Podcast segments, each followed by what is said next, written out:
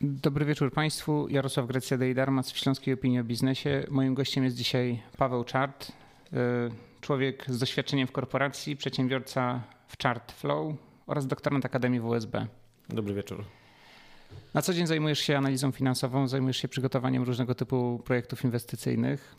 Y, od czego moglibyśmy tak naprawdę zacząć prowadzenie biznesu? Od tego, czy mamy mieć pomysł i czy też, e, czy też bardziej od tego, czy, czy, czy mamy na to pieniądze? Co, co jest jakby mm, większym e, problemem? Czy, czy ludzie mają więcej pomysłów, czy więcej pieniędzy we współczesnym świecie? Moje doświadczenie podpowiada mi, że a właściwie mm, spotkania przeprowadzone z wieloma osobami potwierdzają fakt, że ludzie mają więcej pomysłów niż pieniędzy i bardzo często mam okazję rozmawiać z osobami, mm, które no właśnie przychodzą i mówią: Panie Pawle, mam super pomysł na biznes. Chciałbym zrobić mm, nie wiem, produkcję, uruchomić usługę, e, uruchomić jakiś lokal, uruchomić jakiś biznes. Tylko potrzebuję kasy na to. Tak? E, I tutaj zaczyna się taka rozmowa e, o pieniądzach już w tym momencie. Skąd można takie pieniądze pozyskać? W jakim miejscu jest ta osoba, czy właściwie ten przedsiębiorca? Czy to jest przedsiębiorca? Mam tutaj na myśli osobę fizyczną prowadzącą działalność gospodarczą, czy to jest e, właściciel jakiejś firmy, jakiejś spółki kapitałowej, którą chciałby założyć albo ma już założoną i chciałby zrealizować jakiś projekt inwestycyjny, przedsięwzięcie inwestycyjne czy uruchomić biznes. I moje rozmowy zaczynają się od tego, skąd wziąć pieniądze na zrealizowanie takiego projektu czy takiego przedsięwzięcia. Jeżeli chodzi o mm, to, od czego trzeba zacząć e, w ogóle jakąkolwiek rozmowę w biznesie, ja zawsze mówię przedsiębiorcom tak: weźcie sobie kartkę, długopis, e, policzcie sobie mm, wszystkie koszty związane z uruchomieniem tego przedsięwzięcia, na zasadzie wydatków takich na, no, na środki trwałe, czyli na te przedmioty, urządzenia, wyposażenie, czy też nieruchomość, w której będzie taka, taka, taki biznes prowadzony i ile to może kosztować, a z drugiej strony policzcie sobie, ile potrzebujecie środków na uruchomienie tej działalności, tej działalności operacyjnej, bo to są dwie ważne rzeczy. Ja rozmawiając zawsze z przedsiębiorcą, mówię o tym, że każdy biznes powinien generować pieniądz yy, i to o tym, czy właściwie nad tym się zawsze skupiamy przy jakiejkolwiek tutaj rozmowie. Jeżeli chodzi o pozyskanie kasy, czy pozyskanie, czy uruchomienie przy uruchomieniu jakiejkolwiek działalności, to możemy mówić o tym, że ktoś jest przedsiębiorcą, który yy, w ogóle rozpoczyna działalność gospodarczą i powiedzmy dzisiaj mamy nie wiem, powiedzmy poniedziałek, w poniedziałek, mm, pomijając już dzień tygodnia, który to będzie, ale powiedzmy, że jest to poniedziałek, poniedziałek uruchamiam działalność e, i od jutra prowadzę tą działalność operacyjną, tak? Czyli jak ja to ładnie mówię, witam swoich szanownych klientów i witam swoich szanownych klientów e, i oferuję tą swoją usługę, czy sprzedaję swój towar. Tak? I teraz to już jest działalność operacyjna. Natomiast, żeby to się zadziało, do tego trzeba się przygotować. Żeby się do tego przygotować, to trzeba tutaj mieć środki na to, żeby e, tą działalność e, uruchomić, tak? czyli wybudować, stworzyć, wyremontować, zmodernizować, kupić towar. Więc o tym mówimy, jeżeli chodzi o pozyskanie środków.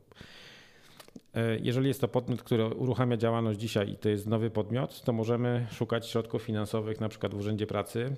Urząd Pracy ma różnego rodzaju programy dla osób rozpoczynających działalność gospodarczą. W zależności od regionu w Polsce, w zależności od, od tego, jaki jest ten program, to dostępne pieniądze są w kwotach do 23 tysięcy złotych, nawet do 80 tysięcy złotych, jeżeli chodzi o e, gotówkę, o którą można byłoby się starać na, na rozpoczęcie działalności gospodarczej. Ważnym jest, tak troszkę z doświadczenia wiem, ważnym jest to, żeby mieć przynajmniej dwóch poręczycieli tutaj.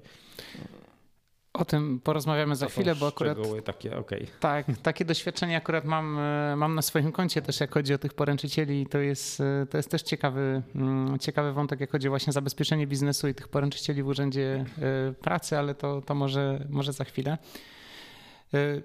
Czy łatwiej jest te środki pozyskać, no właśnie, dla osoby fizycznej, czy łatwiej będzie, jeżeli założymy spółkę? Bo jest takie przeświadczenie, że jeżeli zakładamy działalność i tak jak mówiłeś, jest to działalność jednoosobowa i nie wiem, możemy zacząć od tych środków publicznych y, poprzez Urząd Pracy, to chyba będzie łatwiej niż gdybyśmy chcieli te środki pozyskać jako, jako spółka. E, I tak i nie, e, bo mm, ulubione słowo czy zdanie to zależy. To zależy, jak duży biznes chcemy robić. Jeżeli mówimy o takim biznesie, gdzie rzeczywiście ta kwota rzędu mm, do 80 tysięcy złotych wystarczy nam na to, żeby rozpocząć jakąś działalność, to y, elastycznym sposobem prowadzenia działalności jest po prostu osoba fizyczna prowadząca działalność. I teraz, jeżeli chodzi o ta elastyczność przejawia się w tym, że taką działalność możemy założyć praktycznie z dnia na dzień. E, przejawia się tym, że mm, tą działalność tak zwaną operacyjną i, i możemy uruchomić praktycznie od razu. Co do pozyskania środków, e, no to tutaj mamy to, co zacząłem mówić, e, tą możliwość pozyskania tych środków nie tylko też z Urzędu Pracy, bo tutaj dodam, ale też jeszcze na przykład u nas na Śląsku funkcjonuje Górnośląski Fundusz, Fundusz Górnośląski, przepraszam, w którym również są programy na rozpoczęcie działalności. Jest Bank Gospodarstwa Krajowego, który ma taki program Pożyczymy Ci sukcesu i tutaj też są środki na rozpoczęcie działalności bodajże do 50 tysięcy złotych. Bank PKO BP, który może przyjąć też wniosek do rozpatrzenia nawet do 120 tysięcy złotych. Oczywiście wszystko będzie się rozbijało o kwestię zabezpieczeń. Tutaj im wyższa kwota, i tu znowu powiem tak, doświadczenie mi podpowiada, jeżeli to są kwoty rzędu do 50 tysięcy złotych i biznes rzeczywiście jest dobrze mm, wymyślony, poukładany w sensie takim, że osoba, która taki biznes e, rozpoczyna, ma doświadczenie mm, i ma przemyślany taki własny biznesplan, to jest w stanie e, takie środki pozyskać e, bez zabezpieczenia.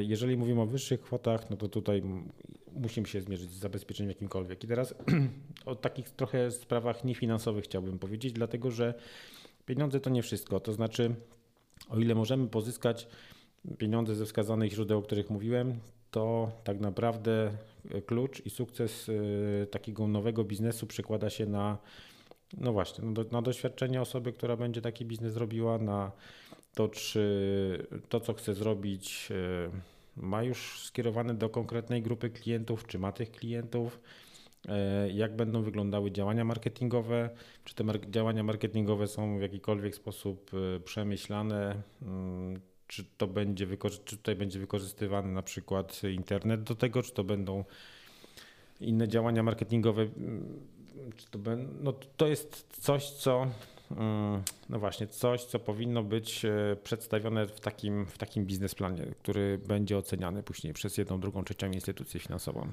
Czy rozumiem, że przeprowadzenie już i przedstawienie potencjalnych klientów, czy, czy też jakiejś, e, jakiejś deklaracji, z kim będziemy kooperowali, na pewno ułatwia pozyskanie tych środków. Natomiast mówiłeś też o, o poręczeniach. Czy mhm. mm, łatwiej jest uzyskać środki publiczne, czy, czy takie z instytucji finansowych? Pytam o tym, bo tu mówię o własnym doświadczeniu, gdzie właśnie swego czasu próbowałem pozyskać e, środki z Urzędu Pracy. Mhm.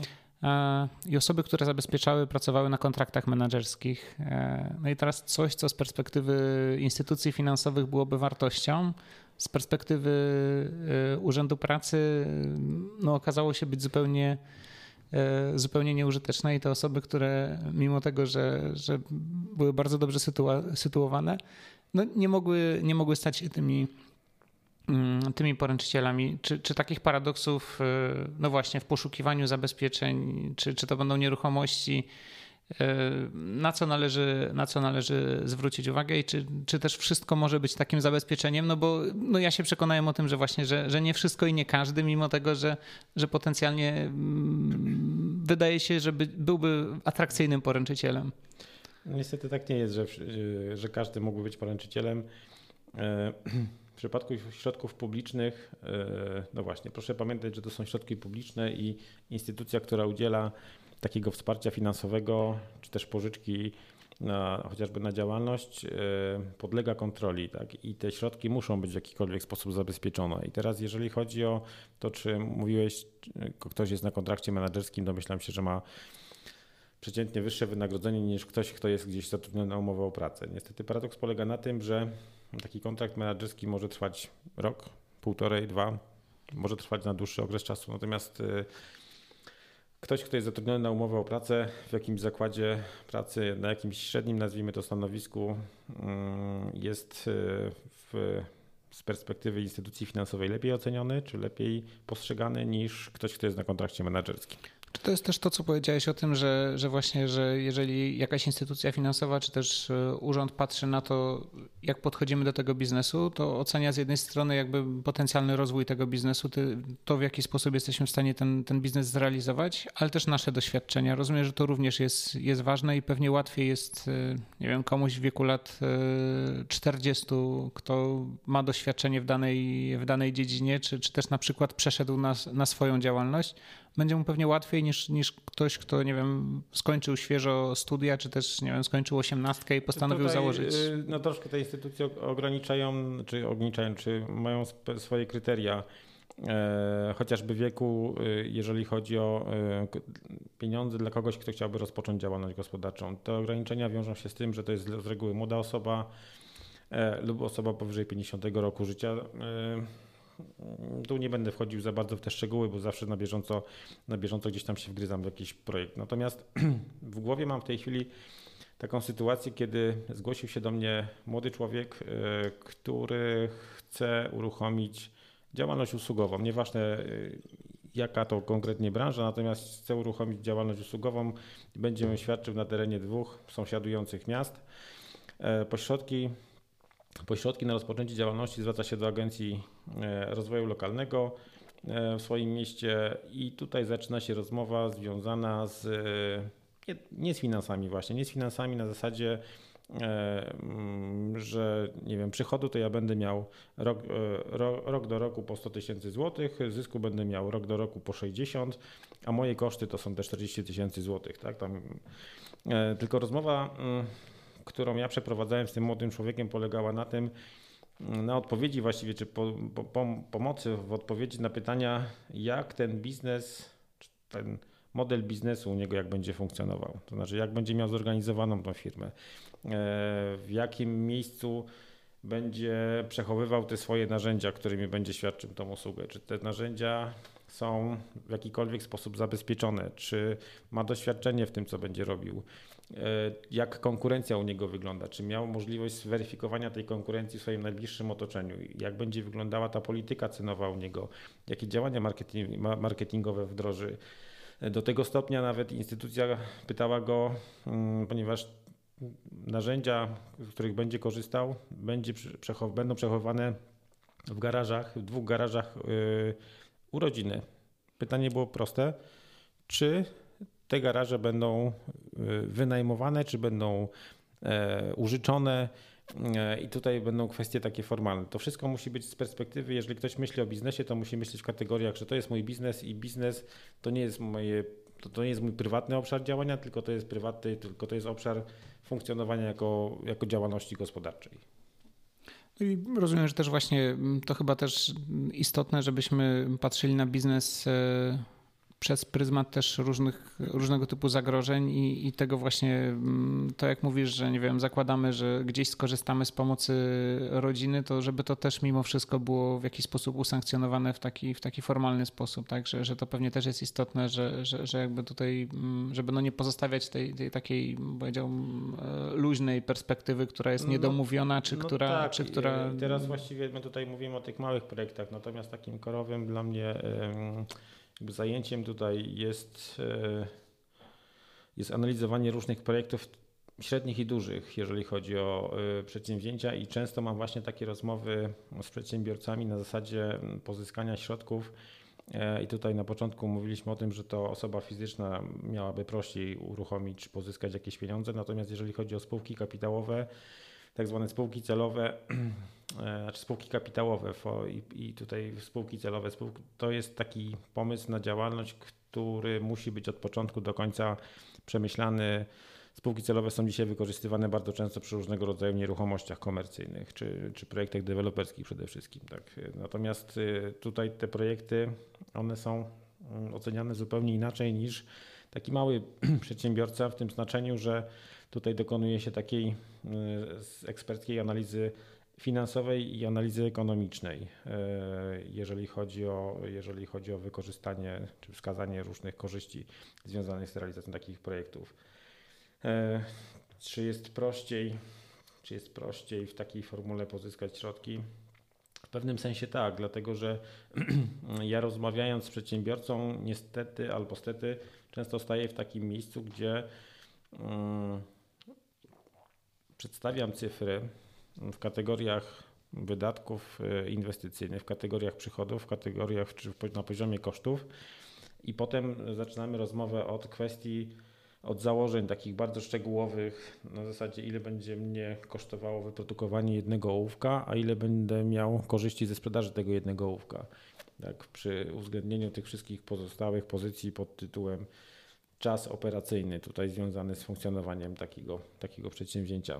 To są takie to jest szerszy temat generalnie do rozmowy, jeżeli chodzi o analizę taką. No, okay. Możliwe, że, że do tych tematów też powrócimy, bo właśnie no, rozmawiając jakby poruszamy tak dużo tych, tych wątków, że rzeczywiście pewnie trudno będzie nam to też zawrzeć e, w ramach jednego, w ramach jednego, jednego spotkania. E, dzisiaj mamy taki czas, w którym e, no właśnie nowy, inny czas pandemii który każdego z nas doświadcza i czy z Twojej perspektywy dzisiaj przedsiębiorcy mm, wstrzymują inwestycje? To to jest jakby mm, pierwsze, pierwsze pytanie. E, czy też jest ogólnie trudniej o pozyskanie środków, no bo ten poziom ryzyka jakby rośnie, no więc byłoby to naturalne, że, że ludzie nie chcą inwestować, a że instytucje finansowe nie chcą, e, nie chcą pożyczać e, tych, tych pieniędzy.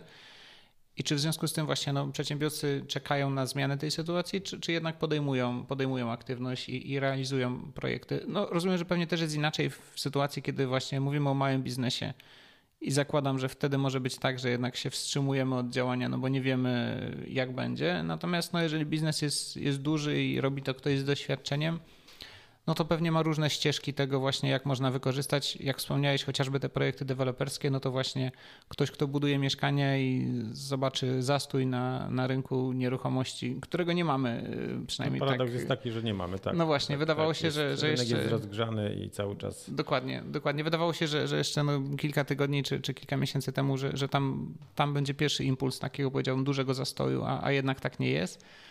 Mm, no ale właśnie, robiąc taki projekt deweloperski, no możemy założyć, że nawet gdyby nagle załamał się rynek sprzedaży mieszkań, no to wydaje się, że otworzy się rynek wynajmu mieszkań, więc teoretycznie taki deweloper no może tak przekonstruować swój model biznesu i te swoje działanie, żeby na przykład ukierunkować się na wynajęcie tych, e, tych mieszkań i przetrwanie. Najpierw, najpierw odpowiem troszkę od, od końca to, co zacząłeś mówić o projektach deweloperskich. Projekt deweloperski to jest taki projekt, e, który od początku do końca um, powinien być ułożony. Powinien być ułożony e, etap budowy, w takim ujęciu finansowania tego całego przedsięwzięcia i powinien być ułożony ten etap związany, czy właściwie to się nakłada, etap sprzedaży, bo to jest jedno z drugim bardzo powiązane. Nie może być realizowany projekt deweloperski bez czynnika sprzedaży lokali mieszkalnych i to jest poziom taki sprzedaży 30, 40, 50% lokali mieszkalnych, po to, żeby taki projekt w ogóle mógł funkcjonować, żeby można było mówić o tym, że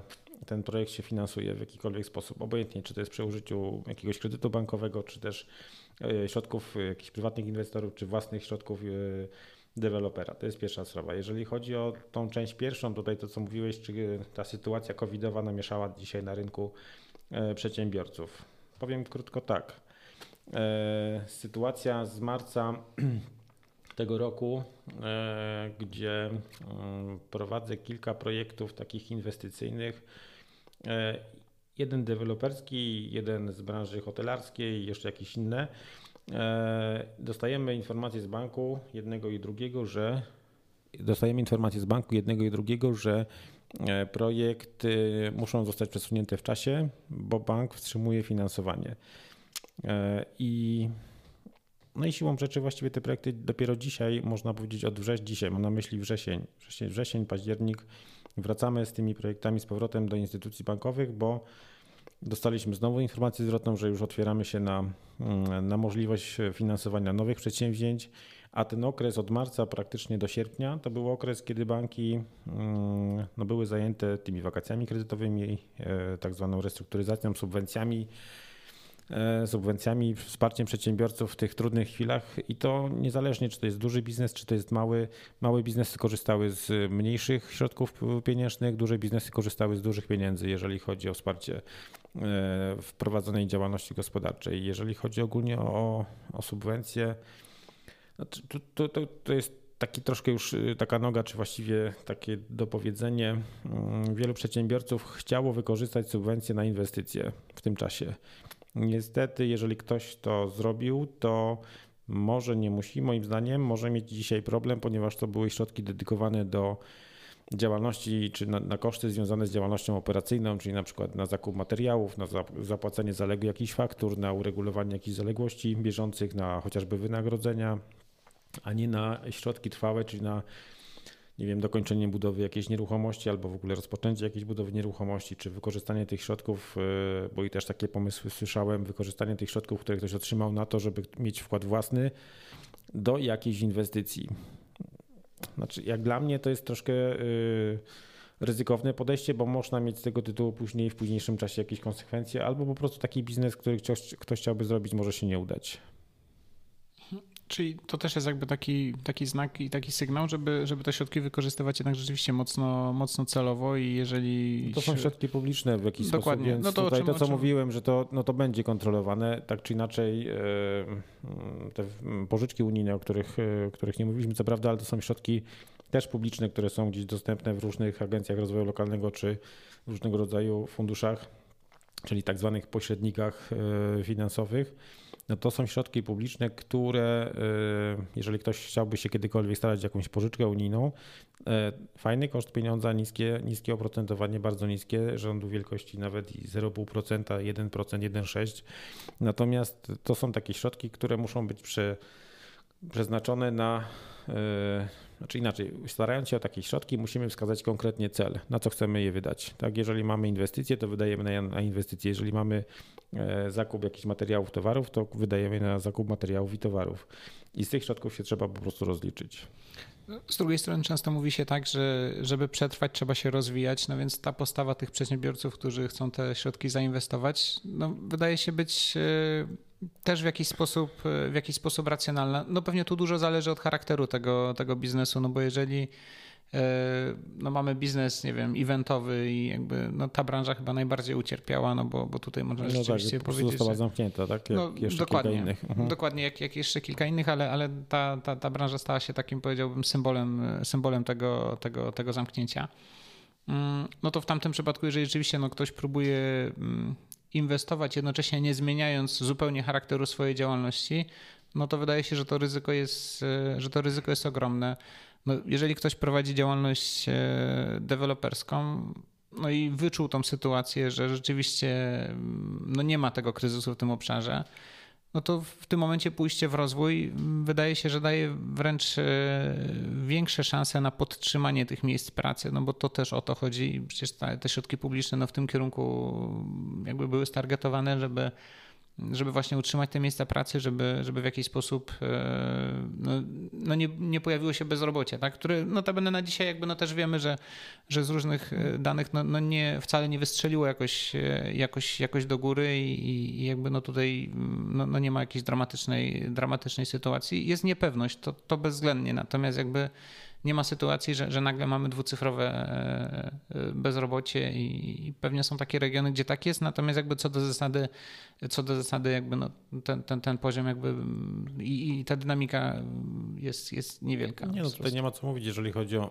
sytuację w Polsce i bezrobocie jest niskie i cały czas jest, e, jak to ładnie się nazywa, rynek pracownika. I można powiedzieć, że tej pracy na rynku jest sporo. Jeżeli chodzi o realizowanie różnych projektów, e, mówiłeś o projektach deweloperskich teraz jeszcze, no to powiem tak, no o ile duże projekty deweloperskie wykonywane przez dużych inwestorów. Tam jest troszeczkę inna strategia i pozyskania pieniędzy, i realizacji tych pieniędzy, i finansowania przede wszystkim tych projektów. Natomiast jeżeli mówimy o takim projekcie małym, gdzie deweloper chciałby postawić powiedzmy dwa domy z czterema lokalami mieszkalnymi lub dwunastoma lokalami mieszkalnymi, to są takie projekty rzędu milion dwieście do dwóch, do dwóch i pół miliona złotych, może troszkę większe E, bo to już się przekłada później na e, powierzchnię użytkową tych mieszkań, e, to tutaj no tu jest schemat dość taki, bym powiedział, prosty, to znaczy musimy mieć wkład własny pieniężny tutaj, jeżeli chodzi o, o finansowanie takiego projektu. Z reguły to jest, i tu to, co się zmieniło w stosunku do tego, co było wcześniej, zostały podniesione te kryteria związane z y, chociażby z tym wkładem własnym. Niektóre instytucje wołają nawet 40%, także taki przedsiębiorca powinien mieć 40% wkładu własnego. 30 to jest taki minimum, minimum, można tak powiedzieć, tak. E, jeżeli chodzi o pieniądze, które przedsiębiorca powinien mieć, żeby taki projekt zrealizować, no i powinien mieć tą przedsprzedaż. No stało się tak w miesiącu marcu, kwietniu, że praktycznie instytucje wszystkie, z którymi rozmawiałem, po prostu wstrzymały taką E, chęć finansowania tego typu projektów. I dzisiaj te instytucje, z którymi rozmawiałem, e, to mam na myśli banki komercyjne w Polsce, które w ogóle finansują projekty deweloperskie, już mówią, że chętnie przyjmują wnioski, jeżeli chodzi o, jeżeli chodzi o finansowanie. I tutaj sztuka polega na tym, żeby taki projekt w ogóle miał szansę finansowania, to powinna być zrealizowana tak zwana przedsprzedaż lokali mieszkalnych, tak? czyli te umowy rezerwacyjne, które są, to są takie szczegóły szczegóły techniczne, jakbym powiedział, zrealizowania tego typu przedsięwzięcia czy tego typu projektu. Jeżeli mówimy o finansowaniu ogólnie jakiejkolwiek działalności w tym okresie y, covidowym, y, to tutaj nic mądrego się na rynku nie działo, oprócz tych projektów, które były już y, w trakcie realizacji. No te projekty, czy jeżeli ktoś miał już pozyskane jakieś finansowanie przed marcem tego, przed marcem tego roku, czy w lutym, w lutym, styczniu i, i powiedzmy realizuje jakąś budowę, to te budowy siłą rzeczy mm, są dokoń, dokończone albo, albo ich y, budowa powiedzmy jeszcze trwa w tej chwili, tak? No bo to jest kwestia jakichś tam harmonogramów i prac. Także COVID ogólnie dzisiaj no, bardzo namieszał na rynku pozyskania finansowania, y, zmusił instytucje finansowe do tego, żeby troszeczkę bardziej przyglądać się różnym projektom, jeżeli chodzi o projektom, jeżeli chodzi o, o, o pomysł na finansowanie. E, I mm, ja jak rozmawiam bardzo często z przedsiębiorcami, to e, staram się przekładać ten ich pomysł na ten język finansowy w takim znaczeniu, żeby jak to ostatnio e, jeden z przedsiębiorców mi powiedział, powiedzieć krótko, co firma z tego będzie miała. Nie, że powstanie budynek, nie, że będzie miała nową siedzibę, nie, że się przeniesiemy z, wynajmowanego, z wynajmowanej powierzchni do własnej, tylko tak naprawdę y, taką korzyść pieniężną, co firma z tego będzie miała. I redukcja kosztów w takim wypadku na przykład taka na przykład, pierwsza rzecz, tak, która, tak, która... Tak. I to trzeba bardzo wyraźnie pokazać. Podkreślić. Mhm. E, mówiliśmy o takich projektach, które realizują osoby fizyczne, które realizują e, spółki. A co z takimi e, projektami realizowanymi w takiej formule partnerstwa publiczno-prywatnego? Czy mm, takie projekty jest e, sfinansować no właśnie łatwiej, no bo teoretycznie ten partner w postaci tej instytucji publicznej, który jest e, w takim projekcie, no powinien być też gwarancją jakąś realizacji tego projektu. Mówię tu z perspektywy oczywiście no. przedsiębiorcy, czyli, czyli powiedzmy, że no właśnie, chcemy wejść e, w jakąś współpracę z samorządem czy, czy z jakąś instytucją e, publiczną, to czy to też się wpisuje w to, o czym, e, o czym mówiłeś, że właśnie przyprowadzamy wiarygodnego poręczyciela, czy, czy przyprowadzamy wiarygodnego partnera, czy mamy już właśnie jakieś umowy przedwstępne, jakąś wstępną sprzedaż? To czy, czy w takim wypadku, w takiej formule mm, taka będzie formuła, nam Taka formuła zawsze się sprawdza, dlatego że Zastanów się nad, nad tym, jeżeli chciałbyś uruchomić jakiś biznes, obojętnie czy to będzie w takiej formule partnerstwa publiczno-prywatnego, czy, czy jakby prywatny biznes, zawsze łatwiej rozmawia się z kimś, jakby niech będzie ze źródłem kapitału, łatwiej się rozmawia w tym sensie, że mówiąc o swoim biznesie, który chcemy zrealizować, pokazujemy z czego ten biznes będzie generował później pieniądze i w jakim okresie czasu. Więc jakby idąc e, w, takim, w takiej konstrukcji partnerstwa, to powinniśmy pomimo tego oczywiście no, prawidłowo przedstawić pewne i harmonogramy i koszty takiego przedsięwzięcia, jak go chcemy zrealizować w jakim czasie, no to później powinniśmy pokazać dla, dla, kogo jest ta usługa skierowana i jak ten pieniądz będzie później generowany. I to, I to się przekłada na duże projekty, na małe projekty, na projekty związane z jednostką samorządu terytorialnego, bo przecież e, gmina, miasto, nie wiem, starostwo, no też mm, ja, ja mam takie podejście, zawsze takie spojrzenie na tego typu e, miejsce, gdzie też generują jakieś przychody. Tak? Przychody dla nich to są nasze podatki, podatki przedsiębiorców, y, wpływy do gminy z różnych źródeł. Tutaj nie będę wchodził w szczegóły, bo tego na co dzień nie robię. Natomiast y, no, są wpływy i są wydatki. To chyba jest oczywiste, mhm. prawda? Więc tutaj, jeżeli chcemy zrealizować taki projekt z taką instytucją czy taką jednostką samorządu terytorialnego, to to jest ten sam schemat. Powinniśmy po prostu pokazać, że ten biznes jest rentowny. Mhm.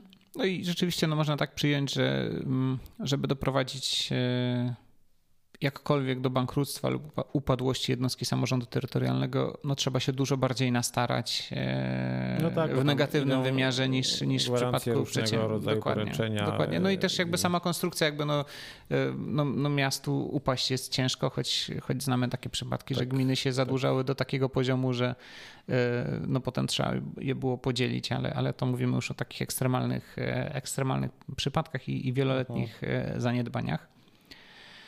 E, realizując e, jakiś projekt, e, zwracamy też uwagę na to, mm, dla kogo ten projekt jest, to co powiedziałeś, ale też jakie niesie konsekwencje dla, dla środowiska, dla społeczności lokalnej, na ten czynnik taki powiedziałbym oddziaływania poza, pozafinansowego, czyli no z jednej strony to jest to, co to może dać przedsiębiorcy, jakby co ta inwestycja, jaką da dla niego korzyść, no ale z drugiej strony właśnie za taką inwestycją też, e, też idą różnego typu działania w postaci, nie wiem, zatrudnienia nowych osób, nowych miejsc Aha. pracy, oddziaływania też bezpośrednio na, na teren, no jak będziemy przy tych przykładach deweloperskich, bo one są no, takie dość, dość wdzięczne i może o ile w naszej aglomeracji tu nie ma takich emocji i, i, i takich jakichś jaskrawych może przypadków na to, że że ktoś buduje na jakimś terenie, zabierając jakiś fragment e, przyrody, czy no tak, burząc. ale tutaj, przepraszam, wejdę ci tak troszkę w słowa, bo, bo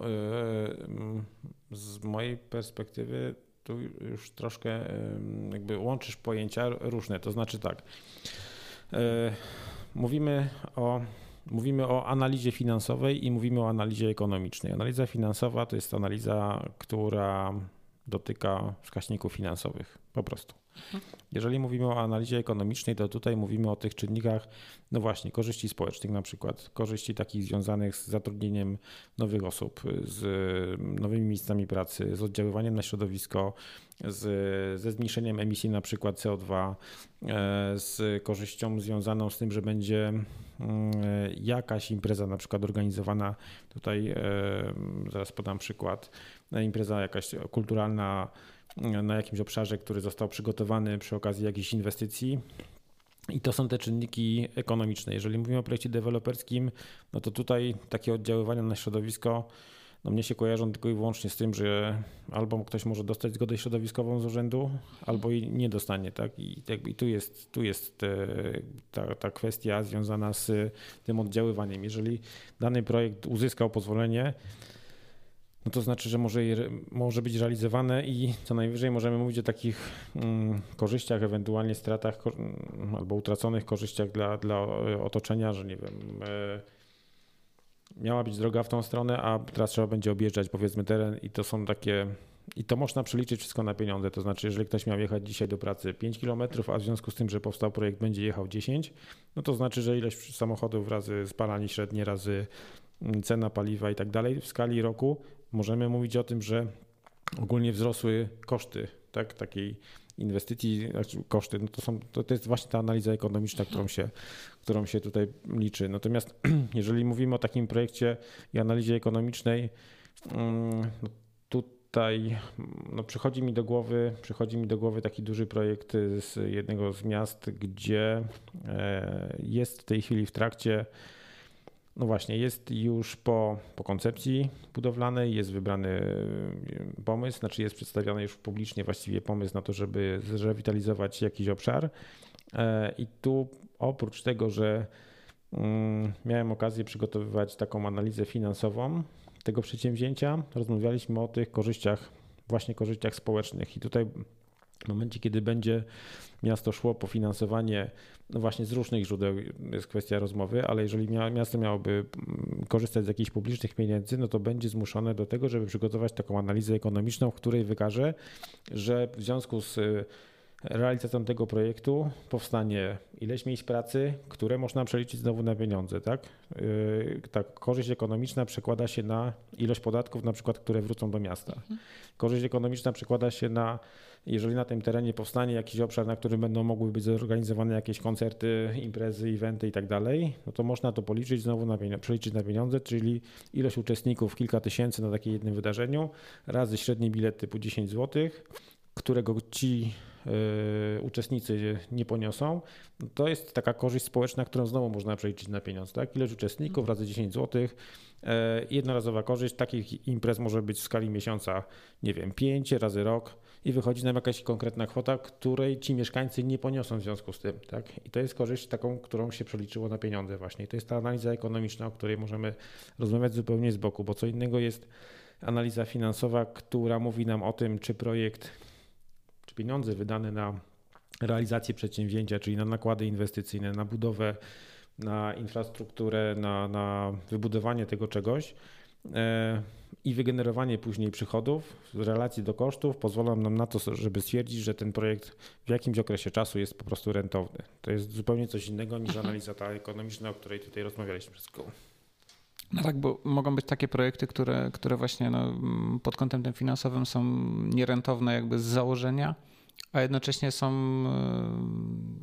e, jakby atrakcyjne z perspektywy no, korzyści tych takich społecznych, tak, tego, że E, że nie tak. wiem, miasto nie było, nie ma miejsca. To są, to są takie projekty, jeżeli w ogóle są realizowane, to są w większości, zdecydowanej większości to są realizowane projekty no właśnie przez y, miasto, przez y, jednostki samorządu terytorialnego, no bo w biznesie, jeżeli coś jest nierentowne, to znaczy nie realizujemy tego.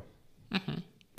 Natomiast no, w przypadku samorządu, natomiast w przypadku samorządu no, no, no, trochę jest takich projektów, które, które można by tutaj wymienić, które, które właśnie no, nie mają e, charakteru tego No ale chociażby park e, jest projektem takim, na którym mhm. miasto nie zarobi, a e, jest realizowany, tak? No i jest ścieżki potrzebny. rowerowe. No i jest tak? potrzebny, prawda? Można przeliczyć ścieżki rowerowe. Wystarczy policzyć ilość osób, które będą jeździły dziennie zamiast samochodem, tak? I to, jest, to już jest ta korzyść, którą, o mhm. której mówiłem. I do tego się nie da bezpośrednio przeliczyć w takiej formule właśnie takiego przedsięwzięcia inwestycyjnego, o którym ja mówię, gdzie wydajemy jakieś pieniądze, generujemy jakieś, jakieś przychody, mamy jakieś koszty i w związku z tym mamy jakieś zwroty. E, w przypadku takich projektów, tak jak mówiłem, ścieżki rowerowe, parki, różnego rodzaju miejsca event, na eventy, nie wiem, plac centrum miasta, fontanna i tak dalej, no to, to no tego nie przeliczymy tutaj no, na, na, na, na taki projekt, jak mówiłem. No, dokładnie, tworzymy, tworzymy pewną, pewną wartość, tak. E, wartość dla, dla społeczności lokalnej, dla, dla interesariuszy, dla po prostu każdego, każdego z nas, która, e, która, która jest no pewną, pewną właśnie kwestią i, i pewnym pojęciem, które e, które trudno, trudno przeliczyć na, na, konkretne, na konkretne złotówki. To prawda.